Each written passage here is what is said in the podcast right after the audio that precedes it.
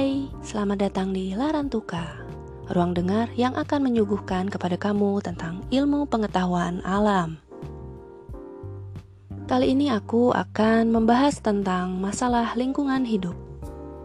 Selamat menyimak. Masalah lingkungan hidup telah ada sejak planet bumi ini lahir, seperti contoh-contoh yang dikemukakan terdahulu. Hanya sejalan dengan masa kondisi lingkungan hidup yang bermasalah tersebut tidak banyak diketahui oleh seluruh umat manusia di permukaan bumi ini. Permasalahan lingkungan hidup yang muncul sekarang ini dengan cepat tersebar dan diketahui berkat kemajuan iptek. Bahkan, para ahli telah mampu meramalkan dengan tepat sebagian dari penyebab munculnya bencana, seperti perakiraan cuaca, badai, topan, meletusnya gunung api, tsunami, dan lain-lain. Adanya pengetahuan dan teknologi untuk meramalkan dan menyebarkan dengan cepat berbagai masalah lingkungan hidup ke seluruh dunia, maka manusia yang sadar tentu akan dapat mengambil keputusan agar terhindar dari bencana, minimal dapat mengurangi dampaknya terhadap makhluk hidup. Di negara maju, Masalah lingkungan hidup terutama disebabkan oleh kemajuan industri dan limbahnya, tetapi oleh limbah domestiknya telah dapat mereka atasi. Bahkan, limbah nuklir yang berasal dari PLTN telah dapat mereka atasi melalui IPTEK, termasuk dalam menggunakannya kembali atau reuse sebagai bahan bakar PLTN limbah domestik telah dapat mereka olah dan hasilnya dapat digunakan untuk pupuk tanaman. Di negara berkembang, pencemaran industri mulai ada dan semakin mengancam kehidupan dengan menimbulkan dampak negatif penting, terutama di kota-kota besar. Tetapi, masalah pencemaran limbah domestik ternyata lebih besar dampaknya terhadap manusia seiring dengan pertambahan penduduk dan sulitnya mengelola limbah domestik ini, sehingga menimbulkan berbagai penyakit masyarakat seperti muntah berak, cacingan, sakit kulit, ispa, dan lain-lain. Seringkali ketidakmampuan mengelola limbah domestik ini menimbulkan citra buruk keterbelakangan dan primitif seperti miskin, pembodohan, dan lain-lain.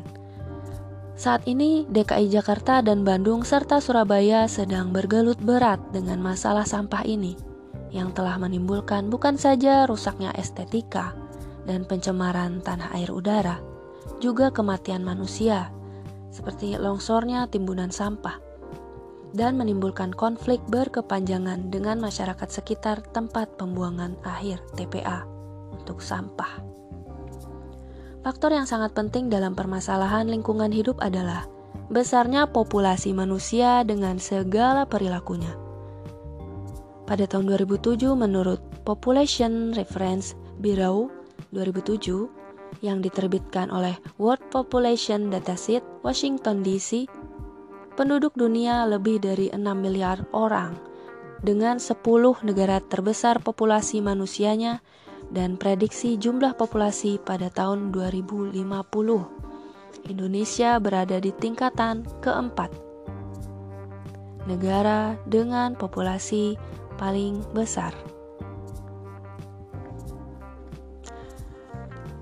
Dari data tersebut, sebagian besar jumlah penduduk terbanyak di dunia berada di negara-negara berkembang kecuali Amerika Serikat dan Jepang. Sedangkan pada tahun 2050 diprediksi jumlah penduduk terbanyak tetap berada di negara-negara berkembang kecuali Amerika Serikat. Rusia dan Jepang diperkirakan laju pertambahan penduduknya tidak akan terlalu tinggi. Yang terjadi yang menjadi pertanyaan pada kita adalah diprediksikannya pada tahun 2050 jumlah penduduk India akan lebih tinggi dari jumlah penduduk Cina. Kenapa ya? Tetapi akhir-akhir ini Cina yang telah mempraktekkan keluarga berencana, berencana dengan hanya mengizinkan satu keluarga satu anak kembali mempertimbangkan kebijakan tersebut. Tampaknya peninjauan kebijakan tersebut mulai dirasakan dengan semakin menurunnya jumlah generasi muda dan tentu pula terkait dengan peningkatan jumlah angkatan kerja dan angkatan perangnya. Namun, menurut Menteri Populasi Negara dan Keluarga Berencana Cina Zhang Weiqing, seperti dikutip China Daily 10 Maret 2008, kebijakan baru tersebut belum dapat segera dilaksanakan dan masih akan dipertahankan sedikitnya satu dekade lagi karena saat ini hampir 200 juta warga Cina yang masuk dalam usia subur pada 10 tahun mendatang. Menurut Kompas 2008. Hal ini berarti ada pertumbuhan penduduk dalam jumlah besar yang sulit dikendalikan pada satu dekade ke depan. Ini membawa dampak besar secara sosial dan ekonomi. Jadi, keluarga-keluarga Cina masih harus bersabar dengan hanya satu anak. Kemungkinan hanya akan ada kekecualian bagi keluarga yang kehilangan anak satu-satunya akibat bencana alam. BBC mengulas pada tahun 2009 bahwa sejak 1979 pemerintah Cina memberlakukan kebijakan satu anak hanya dalam keluarga perkotaan. Untuk keluarga di pedesaan dan suku-suku minoritas, mereka diperbolehkan memiliki anak lebih dari satu. Keluarga yang mengabaikan satu anak harus membayar denda tinggi, bahkan terkadang mengalami diskriminasi di tempat kerja. Setelah berjalan, kebijakan tersebut menimbulkan masalah baru. Proporsi penduduk usia tua dengan usia produktif tidak seimbang. Hal itu juga menimbulkan ketidakseimbangan gender, karena secara tradisi anak laki-laki lebih disukai, sehingga janin anak perempuan kadang-kadang dikorbankan. Tingkat aborsi pun meningkat. Selain itu, di masa datang mereka khawatir kekurangan tenaga kerja. Selanjutnya dikatakan bahwa anak tunggal dalam keluarga juga cenderung egois dan manja. Banyak anak dijuluki kaisar kecil. Tumbuh sebagai anak tunggal juga tidak terlalu mudah. Banyak orang tua yang menginginkan anak mereka hebat dalam segala hal. Maka anak satu-satu harapan, satu-satunya harapan keluarga itu harus mengikuti seabrek kegiatan dan tekanan. Orang tua cenderung berharap terlalu tinggi kepada anak semata wayangnya Belakangan ini kebijakan satu anak itu tampaknya akan dikendurkan. Pemerintah malahan mendorong pasangan orang tua agar memiliki anak kedua. Hal itu sebenarnya sejalan dengan harapan para perempuan Cina yang menginginkan anak lebih dari satu. Cina Daily menyatakan 70,7% perempuan Cina menginginkan anak lebih dari satu. 83% menginginkan seorang anak perempuan dan seorang anak laki-laki. Pemerintah kota Shanghai sangat mendukung kebijakan dua anak. Kota itu memiliki penduduk paling padat di daratan Cina, 20 juta jiwa. Sebanyak 9 juta di antaranya berusia di atas 60 tahun, sekitar 22% dari populasi tahun 2020 pangsa itu akan naik menjadi 34%. Ini adalah data lama ya. Sekarang udah 2021. 2021. Namun demikian tak semua orang setuju dengan ide tersebut. Saya satu anak saja membesarkan anak sangat sulit, ujar Xiao Chen, seorang karyawan. Kebijakan satu anak itu sudah menuai banyak kontroversi baik di dalam maupun di luar negeri karena penegakannya menggunakan kekerasan seperti aborsi dan kekerasan lain. Walaupun ada pelanggaran aturan, Cina tetap bertekad mencapai target menjaga jumlah penduduknya sebanyak 1,36 miliar tahun 2010. Ini data lama ya.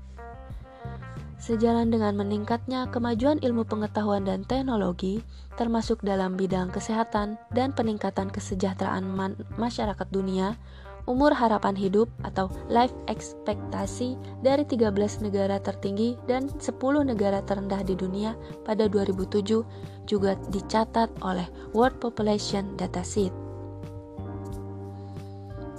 Mana di Indonesia ya? Indonesia nggak masuk ya? Oh harapan hidupnya nggak ada nih Indonesia di sini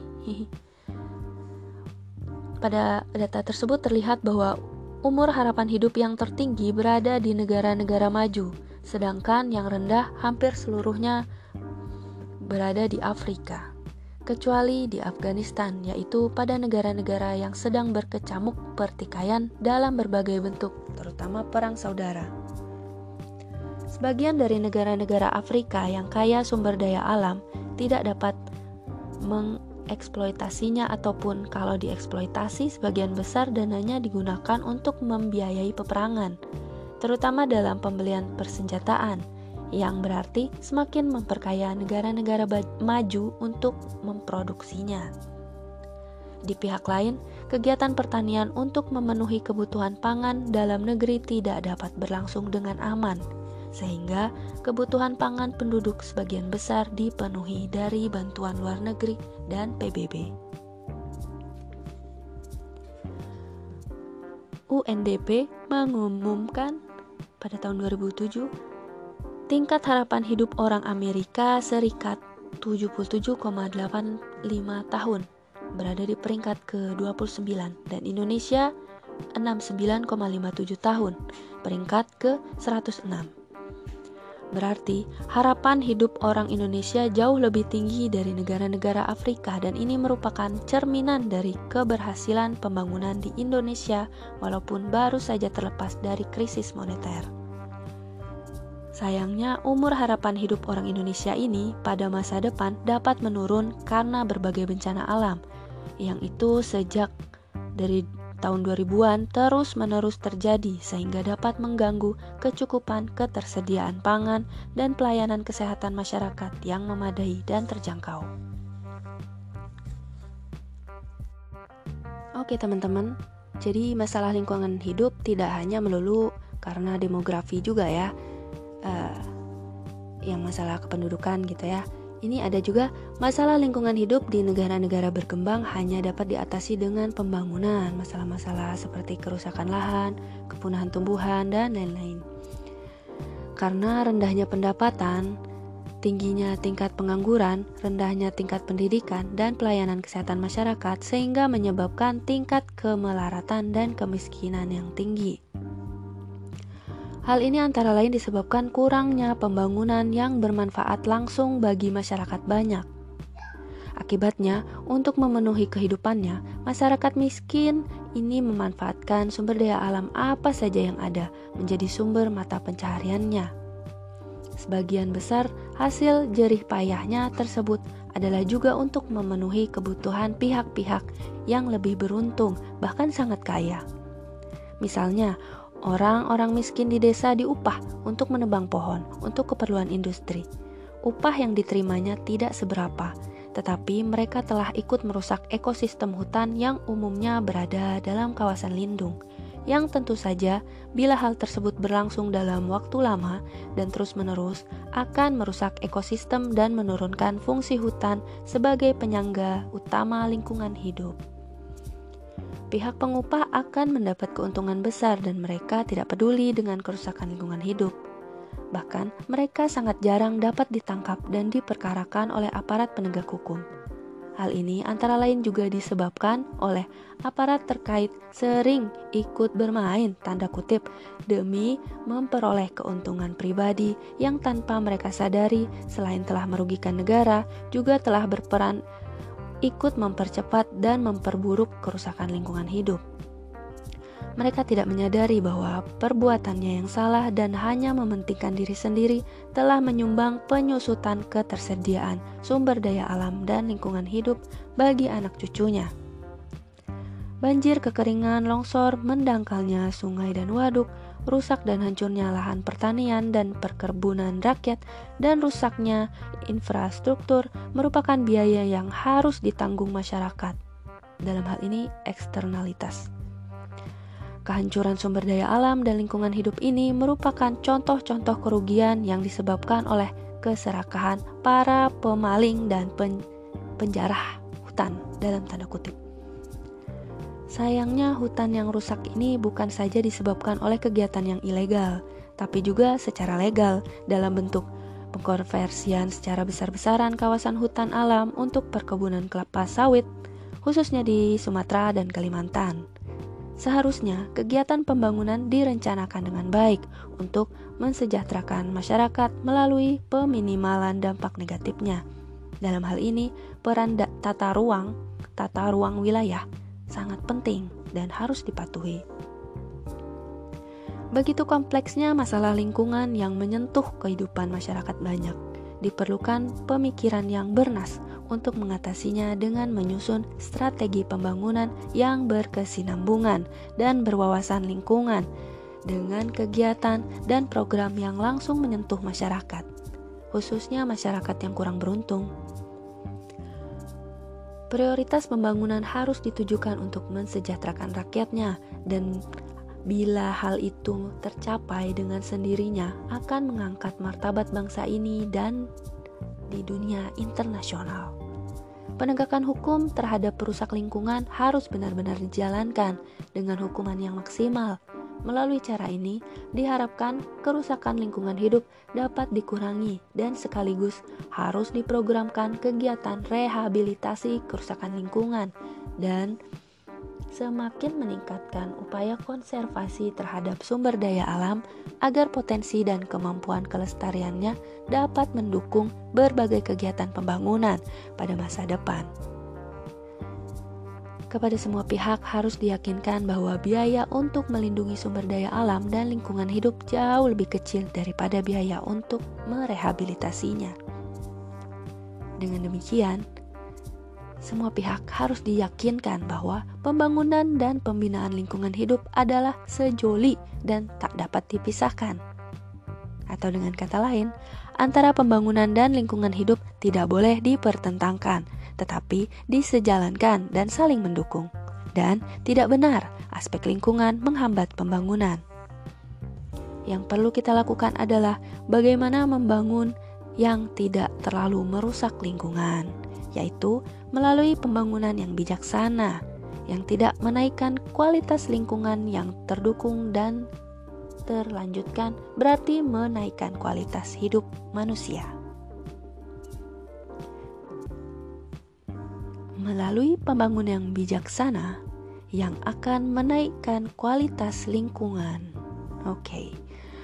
Pembangunan harus menyelaraskan aspek-aspek teknologi, ekonomi, sosial budaya, dan lingkungan sesuai dengan amanat Deklarasi Rio de Janeiro 1992. Oke teman-teman, sekian dulu pembahasan tentang permasalahan lingkungan. Makasih udah menyimak ya, semoga bermanfaat. Terima kasih.